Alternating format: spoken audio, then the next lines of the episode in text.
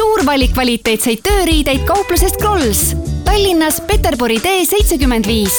krolls.ee Kuku Raadios välja öeldud seisukohad ei pea ühtima Kuku Raadio seisukohtadega. Te kuulate Kuku Raadiot.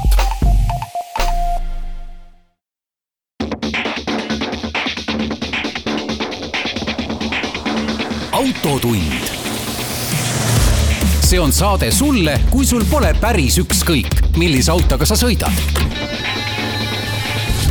alustame Autotunni saatega. täna juttu selles, Eesti turule on tulnud uus ja väga hea linnamaastur, mida me saime äsja proovida. kas kõigil kesklinna elanikel tohib olla auto, kas neil võiks olla auto või ei tohiks neil kindlasti autot olla?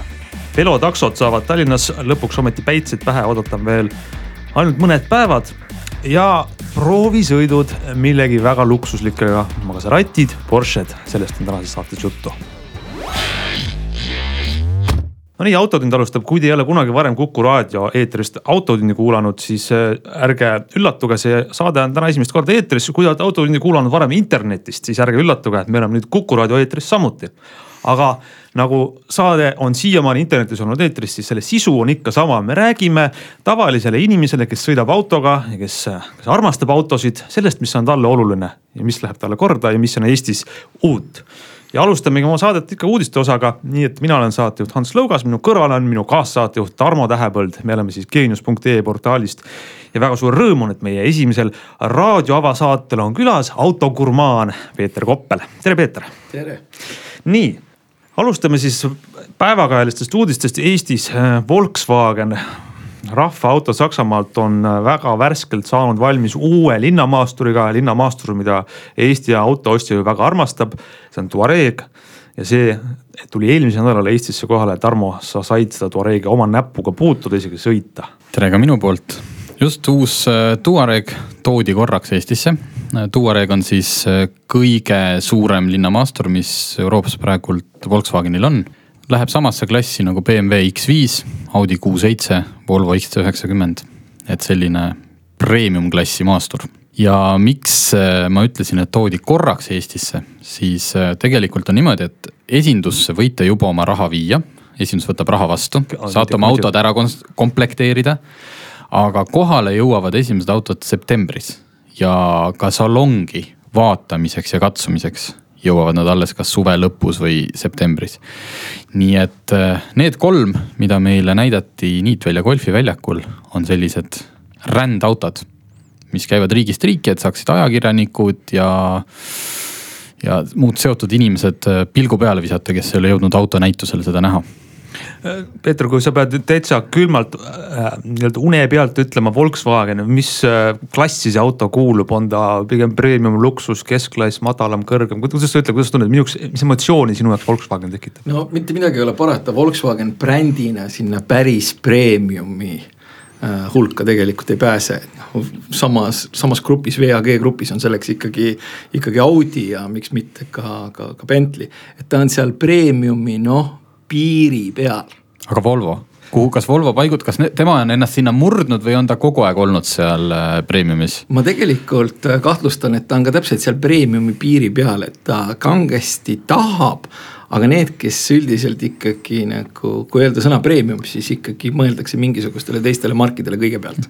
no ilma, et mina nagu neid äh, automarkide äh, klasside tunnetusi nii hästi tajuksin, ma ei tahagi tunda, siis ma vaatan seda hinnakirja, mida sa siin Tarmo uut Tuaregi äh, proovides nägid. see hinnakiri ütleb, et need on seal kõik üleval kallite premium autode otsas. ja selles mõttes jah, et kuulajale siis täpsustaks, noh premium tähendab kõike luksuslikku, aga hinnad hakkavad neil Tuaregil viiekümne kaheksast tuhandest, Volvol viiskümmend üheksa.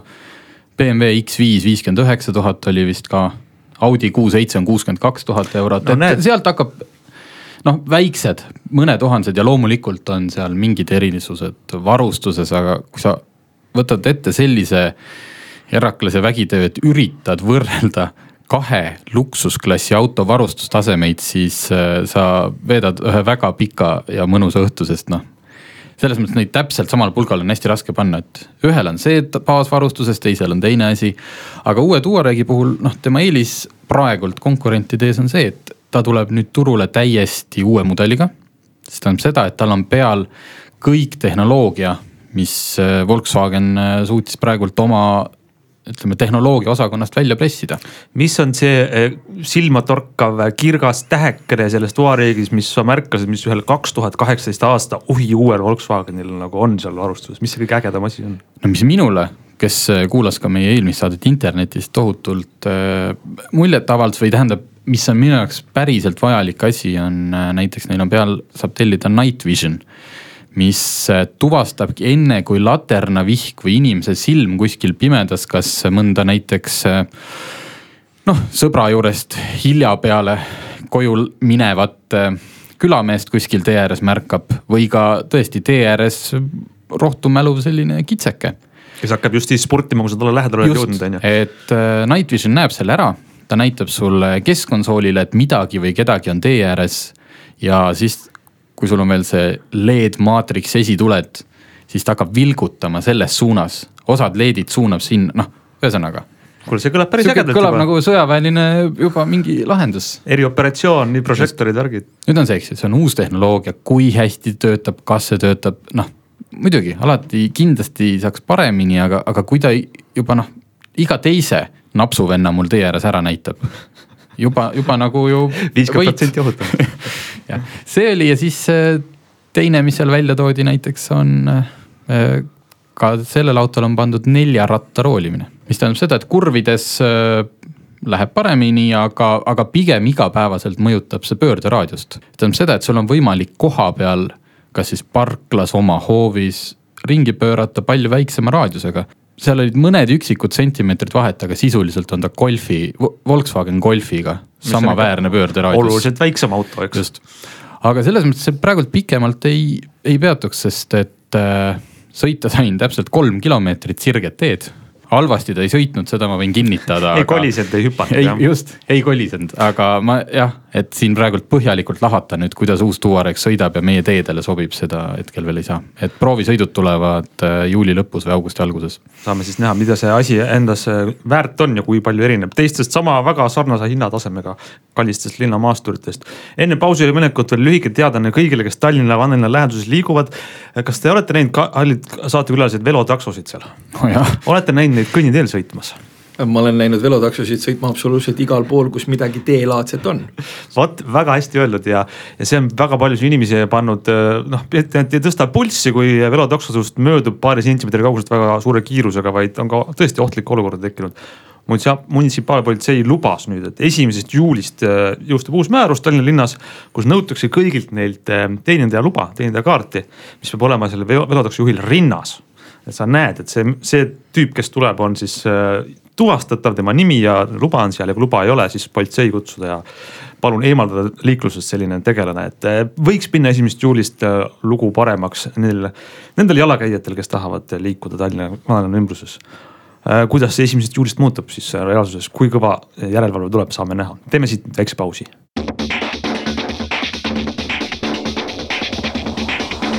autotund see on saade sulle, kui sul pole päris ükskõik, millise autoga sa sõidad.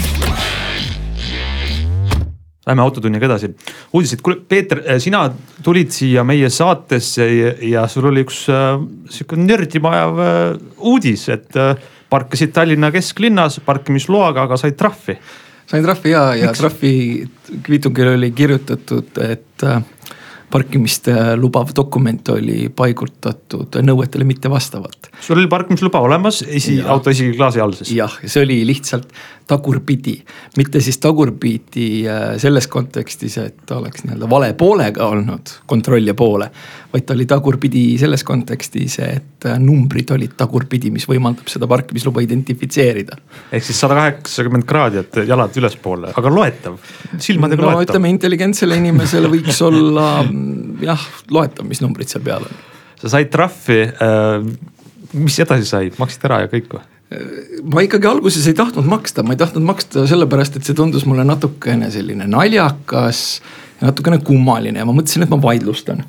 ja siis ma kenasti võtsin, läksin parkimine leheküljele äh, identifitseerisin ennast äh, läbi pangalingi ja siis sisestasin selle trahvikviitungi numbri ja edasi läks asi selles mõttes huvitavaks, et ega ta siis äh, ei tahtnud mulle teps mitte minu seda mm, trahvi näidata. vaid ta palus mul äh, näidata, et ma ei ole, ei ole robot noh, teate sellist toredat puslet, kus tuleb, tuleb vaadata, et millises, millistes kastides on äh, valgusfoorid mis minule tegi päris palju nalja, sellepärast et ma ei ole küll nagu nii tehnoloogia inimene. aga kui ma ennast juba olin läbi pangalingi identifitseerinud, siis mul oli sihuke tunne, et on väga ebatõenäoline, et ma robot olen.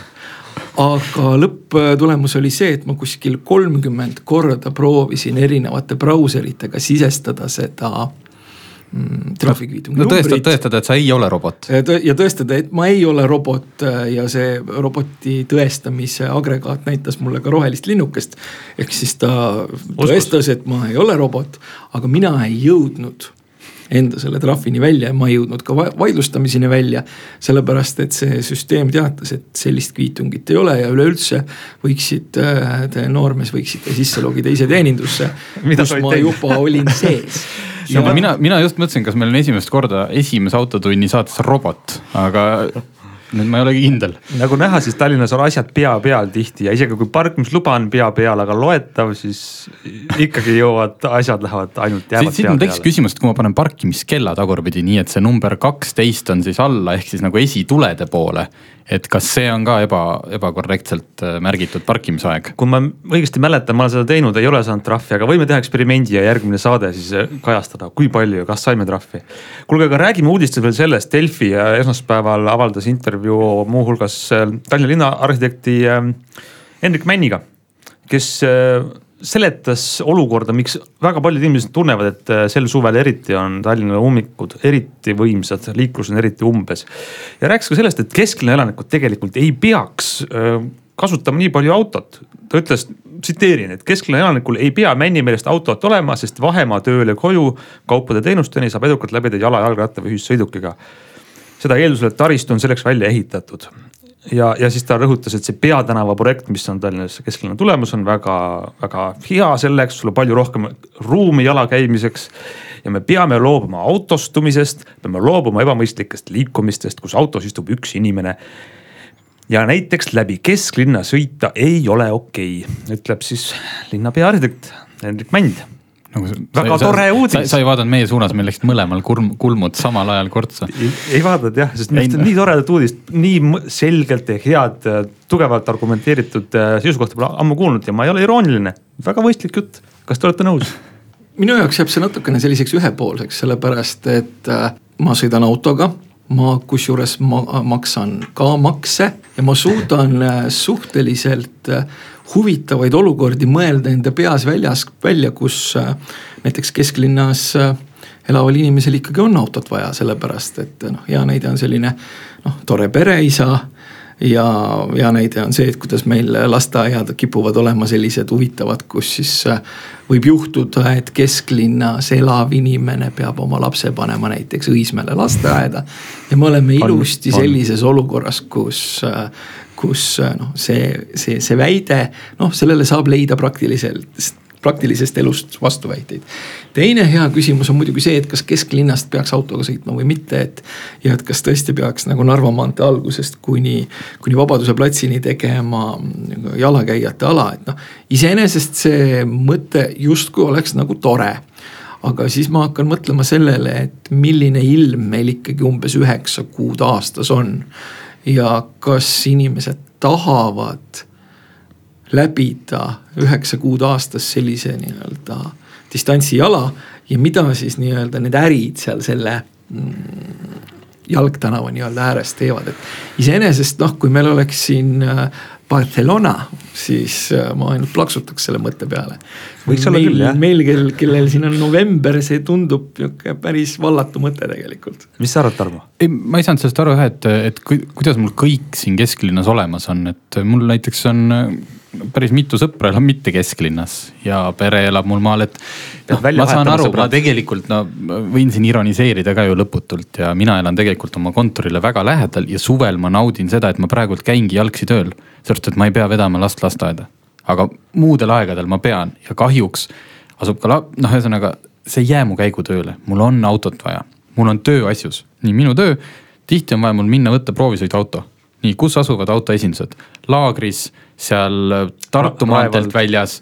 see väljend, et nagu kesklinnas elamine vaikimisi võtab sult ära kõik muu, noh, kõik seosed ümbritseva Tallinnaga või ümbritseva Eestiga. elad kesklinnas, selge, sul ei ole autot vaja. mis, noh, mis mõttes ei ole, et Tallinnas on ju nii palju teenuseid ja asju on ju väljaspool kesklinna et kust see. ega e-, e-, Hendrik Mändi ei saa, võib-olla kui ma minu tsiteerimisest jääb temast ühekülgne mulje, siis ei, tegelikult ta esitab ka päris äh, mõistlikke argumente ka oma linnavalitsuse suhtes, näiteks ta ütleb seda, et ikkagi Tallinnas praegu keskmine tipptunnil tööle jõudmise aeg autoga on kaheksateist minutit. seesama teekond ühissõidukiga nelikümmend kaks minutit, mis tähendab, näitab, et noh, see on puhtalt, me ju hindame kõige rohkem äh, oma aega ja see on täiesti võrreldamatud alternatiivid, kuidas sa sedasama vahemaad läbid, eks. ja kasvõi sinu kirjeldatud olukord, kus me siis üheksa kuud aastas selles lörtsis peame mingid vahemaad läbima kui seal oleks super ühistranspordi liiklus vahel, tramm, mis sind mööda seda jalgteed liigutab. minul, minul läheb kodu eest buss number kolm ja kui ma hommikuti, ükskõik kas ma lähen autoga või bussiga või jalgsi tööle, me kõik veni-, noh jalgsi ma kõnnin mööda. Number kolm venib seal alates kuskilt Arsenali keskusest alates kuni siis ma ei tea, kuhu ta lõpuks läheb. ta on ju täpselt selles samas rodus, ta ei pääse mitte kuhugi tramm on ainuke lahendus. ma saaks aru, kui Tallinna ühistransport oleks sellest lähtuvalt üles ehitatud, et meil on üks küsimus, kuidas inimesi kiiremini oma sihtkohta vedada ja siis vastame sellele küsimusele, ehitame sellele süsteemi, kuidas siis saaks efektiivne, aga mulle praegu tundub, et see on väga palju selline legacy süsteem, olemasolevad koridorid, teenindame need ära, kus inimesed liiguvad. ka tihti see, et hoopis teine kaasus on, et kuidas inimesi vedada, kellel ei ole muud transpordivõimalust, mis on väga tähtis, et neid vedada. aga me ei saa öelda, et nüüd teie autost, autoga sõitjad, kolige nüüd ümber sinna kaks või kolm korda aeglasemasse ühistransporti. ma ei tea, kas see on inimeste enda viga või on see, ütleme siis liikluskorraldajate arusaam, et töö tegemisest kui sellisest on veel kuskil kakskümmend aastat tagasi, kus kell kaheksa läksid kõik kuhugi, istusid maha ja enne viite sealt ei liikunud. et tänapäeval on ju nii palju töökohti, kus sa ei istu liini peal, noh sa kogu aeg teed, noh kogu aeg on liikumist, et seda ei saa nii võtta, et tööle minek tähendab seda, et sa oled seal kaheksa tundi paigal. ja siis kõik liiguvad korraga tagasi nagu mingis äh, düstoopilises ulmefilmis. ja, ja selle, sellise suhtumise vastu, et äh, Äh, auto omamine on kuidagi nüüd kuritegu. noh, sellise suhtumise vastu ikkagi tuleks nagu käsi püsti tõsta ja öelda, et noh, päris nüüd nii ka ei ole. et äh, autoomanik maksab ka makse autoomanikul on ka nii-öelda demokraatlikes protsessides hääleõigus, autoomanik on ka inimene. ja ta tõesti kasutab seda autot väga sageli just nimelt sellepärast, et see on objektiivselt vajalik võib-olla see on väga hea moto, mis kogu meie saadet võiks äkki kokku võtta, mulle tundub, see, see, see kõlab hästi, aga me läheme siit väiksele pausile.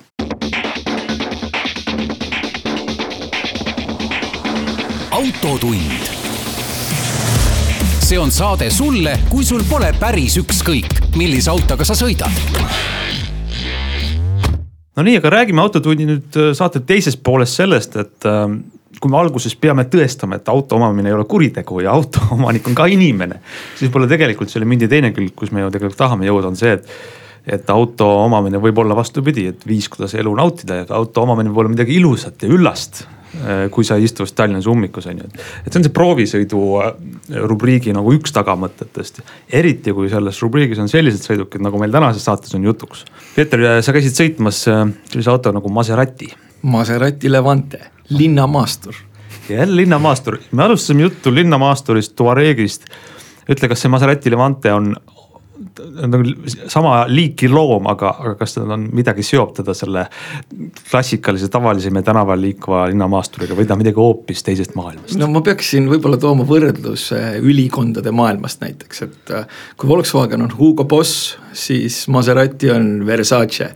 see tähendab seda, et noh Äh, kulda, karda, julgeid jooni ja sellist äh, because I can suhtumist on selles autos päris palju kus sa sellega sõitsid, kus selle autoga mõnus sõita on Eestis, ma arvan, et Tallinnas ummikus seista vist ei ole see. Sõitsin... mida luksuslikum auto, seda mõnusam ummikus seista. tõepoolest, kui on mõnus nahalõhn äh,, välismüra autosse ei jõua, helisüsteem on hea õhk on äh, nii-öelda puhas ja, ja, ja healõhnaline, siis tõepoolest, mida luksuslikum auto, seda parem on hommikus seista. mina, mul õnnestus selle autoga sõita õnneks nädalavahetusel, see tähendab seda, et äh, ma ummikuid võib-olla ainult seal mm, Haabersti risti juures kohtasin. ja mitte midagi ei ole parata, et äh, linnas oli väga mõnus ei läinud need kiirused teps mitte linnas eriti suureks, et kõik oli piirangute piires. maanteel noh, ütleme, et linnamaasturitest üldiselt on maanteel sõitmiseks paremaid autosid. Ja maanteel sõitmiseks on ka Maseratist paremaid linnamaastureid, seda võib päris kindlalt öelda. aga noh, päris kindlasti ei olnud see kuskilt otsast nii-öelda negatiivne kogemus eelmine Maserati, millega ma sõitsin, oli Ghibli. ja kui Ghibli puhul võis öelda, et noh, seal oli natukene aru saada seda, et see kuidagi on nii-öelda ülejala kokku pandud. et äh, seest interjöör oli küll nahk, aga aga näiteks multimeediasüsteem oli võetud kuskilt Chryslerist ja sinna suhteliselt vägisi keskkonsooli lükatud ja võis olla nii-öelda õmblus võis miltu minna ja kuskil oli liimiplekk.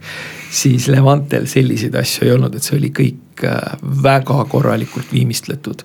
ja noh, mis seal salata, eks disainis itaallased on teistest ees, eks sellepärast ju teised itaallastelt disaini võtavad ka, tellivad Maserati on klassikaline Itaalia autotootja, eks ja, ja, ja toodab ainult ju igas klassis selliseid ikkagi tõeliseid eksklusiivseid pärle ja, ja midagi erilist, et selle auto hind hakkas ju ka kuskilt sealt ikkagi julgelt vist kuuekohaline number on see. ei, ta hakkab ikkagi diis-, Levantet saab ka muuseas diislina, et ma just võtsin lahti. et diislid on äh, kuskil üheksakümmend tuhat ja siis see Levante, Levante S, mis on nüüd juba natuke kõvem kärbes, et see on see saja tuhandene auto et see on see, kuhu lõpuks jõuavad ka need äh, linnamaasturid, millest me ennem rääkisime. lihtsalt äh, nendele tuleb siis palju kõvem mootor peale osta ja, ja saab ka väga-väga ilusti üle saja tuhande hinna ajada. see Levante S, see ei olnud, see, see oli ka väga korraliku mootoriga, eks? see oli väga korraliku mootoriga ja seal tuleb äh, kindlasti ära mainida üks oluline sellist noh, sõidurõõmu tekitav asjaolu. ehk siis tuleb laht-, last-, lasta lahti aknad, vajutada alla sportnupp ja anda gaasi ehk siis Maserati summuti helid on selgelt kõige paremad, mis nii-öelda laiatarbeautodel üldse, üldse nagu minu kogemuse kohaselt olnud on. kui nüüd sõidu, sõiduelamus võtta või kogemus, pigem elamus. kui sellised suured võimsad maasturid, millele on mõnikord pandud ka kuni ma ei tea, kuussada hobujõudu. või ütleme luksusauto, mingi Mercedes S-klass. et nende see kiirendus võib olla selline neli, viis sekundit sajani, aga nad lähevad sellele kuidagi sellise vaikse suhinaga nagu mingi luksuslainer.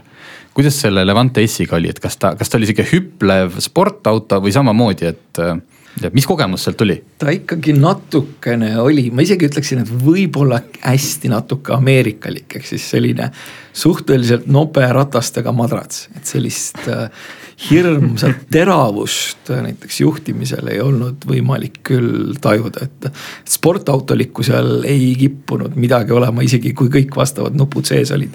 et ta ikkagi oli selgelt orienteeritud mugavusele ma olen istunud Bentley Bentayga sees ja sõitnud sellega pool päevakest ringi ja, ja mulle torkas seal silma see, et, et, et see on ka kõik seda, mida üks noh, tavamõistes ebamõistlikult kallis auto on ja ometi. Bentayga muidugi siin kuulajal teadmiseks on veel kaks korda kallim, see linnad hakkavad kuskil jah, kahesaja tuhande juurest. ja, ja ometi ma mäletan, et ilma, et mina ei ole suur autogurmaan ja, ja ekspert, aga ma mäletan, ma märkasin sealt neid Volkswagen Grupi neid aknatõstukeid, need nupud tundusid tulevad samalt koostööliinilt, kus nad on ka võib-olla selles Passatis. või siis ka Audis, et midagi oli seal nagu noh tuttav, mis tunne, mis rikkus, mitte ei rikkunud ära, aga andis kuidagi kahtlase maitse, et, et see on ju, see auto peaks olema see, kus see on see noh. jah, sa oled natuke nagu pette saanud, eks ju, et sa saaks kahesaja tuhande eest see, see aknanupp oleks sinu jaoks just treitud. Maseratis see interjöör, mis, mis no, seal sees on? ütleme nii, et kui äh, teada ja kui olla nüüd väga-väga selline nagu norida, siis eks kuskilt Fiati ja Chrysleri nagu sihukesest kastist mingisuguseid lüliteid päris kindlasti võetud on. et noh, loomulikult, kui auto eest äh, maksta sada tuhat ja üle, siis tahaks äh, ja, ja, ja kui juba seda nahka on päris palju kasutatud. tahaks võib-olla seda nahka natukene veel rohkem ja tahaks, et need lülitid oleks natuke eksklusiivsemad ja tahaks, et võib-olla oleks rohkem metalli, et äh, kui siin näiteks Mercedes suudab teha seda noh, poole odavamatel autodele, et miks siis nüüd, miks siis nüüd selline natukene huvitavam tootja ei saa, ei saa hakkama rohkem kui sada tuhat maksvale autole millegi eksklusiivsema tekitamisega. aga selles mõttes tehnoloogiliselt oli kõik ikkagi kaks tuhat kaheksateist, et ei jäänud muljet, et seesama Chrysleri keskkonsool on uuendatud natukene, aga, aga rida ei hoia ja, ja adaptiivselt püsikiirust ka mitte. adaptiivselt püsikiirust äh, äh hoidis. Rea suhtes äh, ütlen ausalt kuna ma ei ole selle funktsiooni fänn, siis ma seda isegi mitte ei proovinud, mulle ikka meeldib autot juhtida ja seda küll, ma lihtsalt mõtlesin, et kas see on nagu seal kõik, kõik nagu olemas, et digitaalsed ekraanid, kas ekraan on ikkagi äh, super full HD või? jah, selles mõttes, et võrreldes selle Kiibliga, millega sõitmine, ma arvan, jääb enam kui aasta taha, oli ikkagi see kvalitatiivne hüpe täiesti selge, et. Et nii keskkonsooli kui siis näidikute paneeli ekraanid olid korralikud, värvilised, informatiivsed ja ütleme, kui näidikute paneeli ekraani vaadata, siis see oli isegi päris hästi teostatud, ehk siis kellad olid ikkagi päris ja seal vahel oli värviline ekraan, kuhu siis kuvati sellist informatsiooni, mida, mida juht parajasti, parajasti tahtis. et ma pean tunnistama, et mulle need täisdigitaalsed ekraanid võib-olla või näidikute paneelid väga ei meeldi, sellepärast et kui töö on selline, kus vaatad kogu aeg ekraani, siis täiesti automaatselt kipuvad silmad minema võib-olla liiga palju sinna, kuhu nad minema ei peaks. see on väga huvitav selline ring, kuidas ähm, ju mingil hetkel, kui sul on nii-öelda klassikaliste seieritega armatuurlaud, see on veel siis vana iganenud disain, siis on moodsal autol on täisdigitaalne siis jõuad sinna ringi teise otsa, kus juba auto on nii luksuslik, et jälle seierid näitavad, et see on nagu no, midagi peent. ütleme, et see eksklusiiv, kui mida eksklusiivsem auto, seda tõenäolisem on see, et tuleks kasutada seiereid. sellepärast, et vastasel korral noh, kümne aasta pärast kõik naeravad seda ekraani. jah, sest et see ekraanitehnoloogia ju areneb omas tempos edasi ja, ja meil palju on näha neid autosid, mis, kus sa istud sisse ja vaatad, et muidu on korralik auto, aga kogu see nii-öelda IT pool on ikkagi täitsa ajast ja arust. teeme väikse pausi ja siis räägime edasi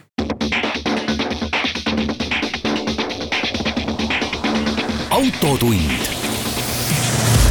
see on saade sulle, kui sul pole päris ükskõik, millise autoga sa sõidad.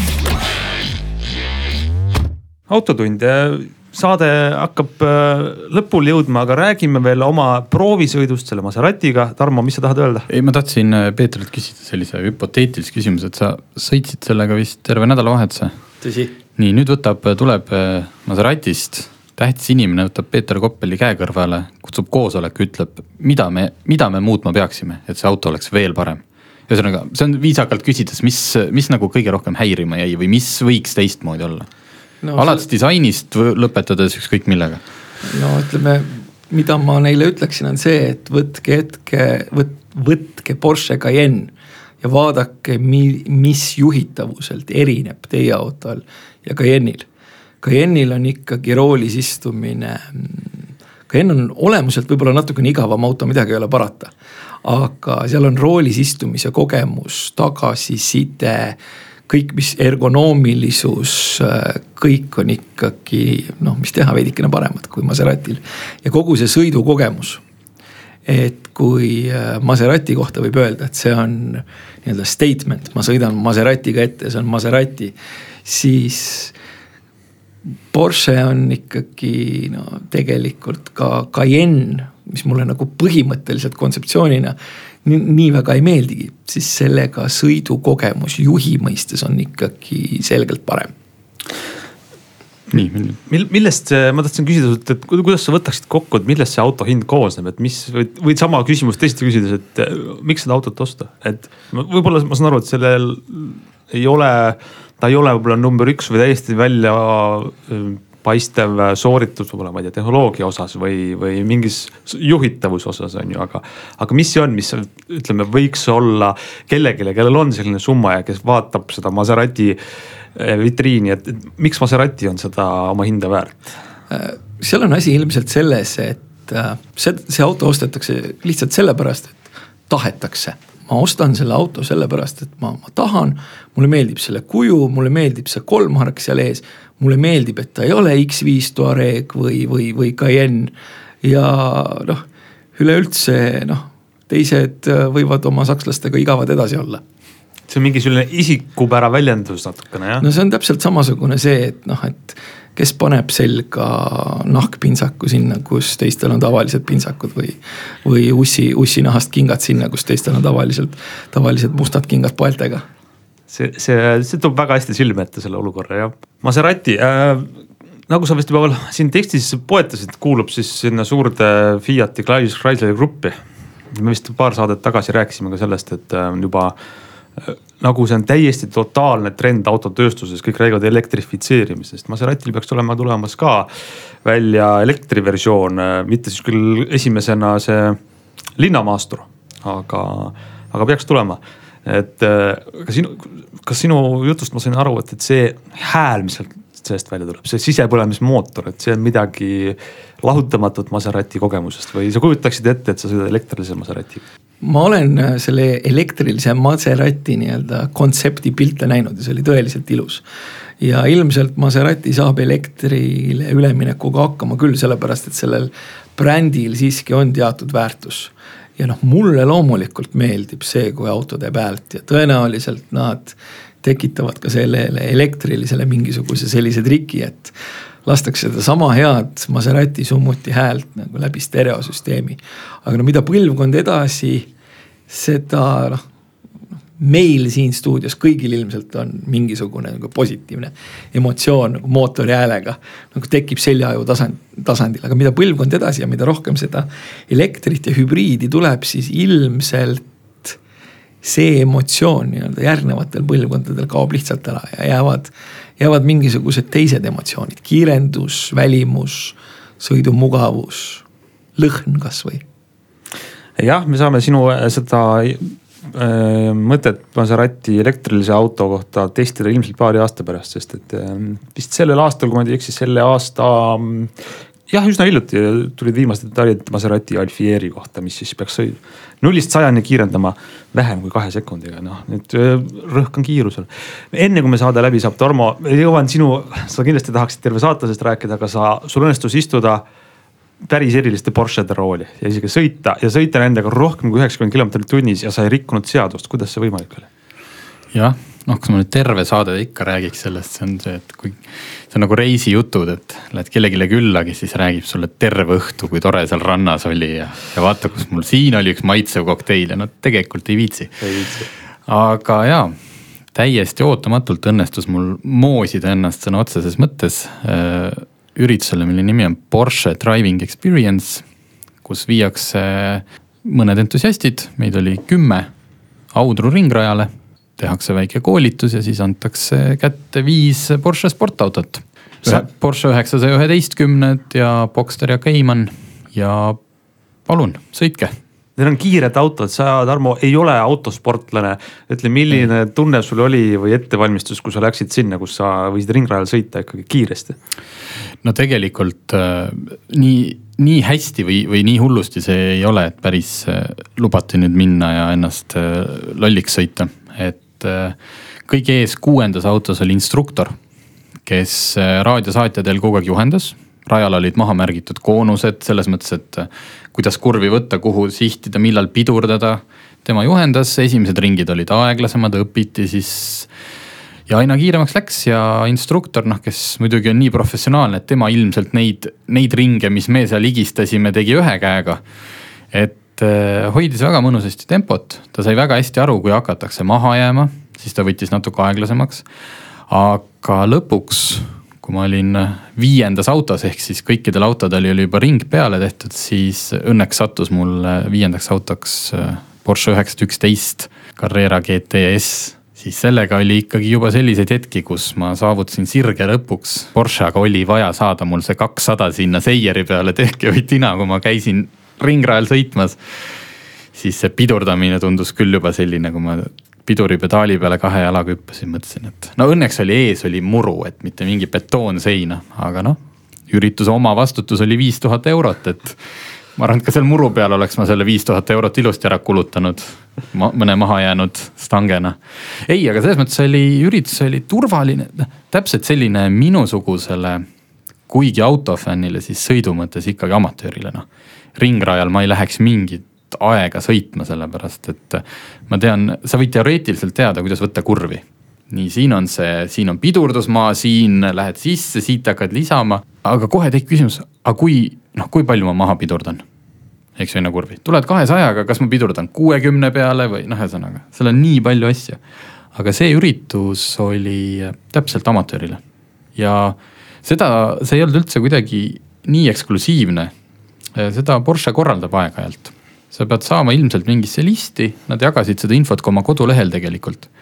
See maksis nelisada üheksakümmend eurot, mis on tegelikult täiesti odav, kujutage ette, saate sisuliselt neli tundi ringrajal sõita Porschedega sa oled erinevate Porschedega, mitte sa oled ühe ruudis, vaid sa näed, et seal naabril on, on see GTS, siis saad. et see ei ole mitte proovisõit, et sa räägid omale proovisõidu sealt esindusest välja ja siis sõidad Tallinna tänavatel viiekümnega, vaid sa saad kasutada sihtotstarbeliselt.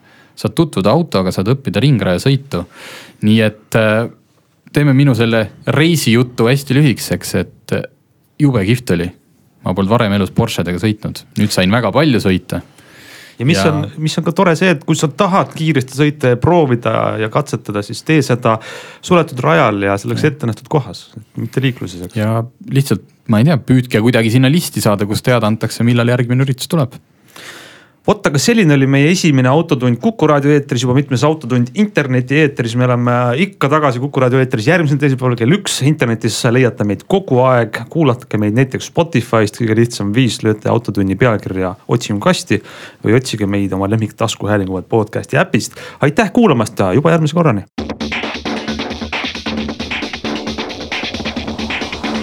autotund see on saade sulle, kui sul pole päris ükskõik, millise autoga sa sõidad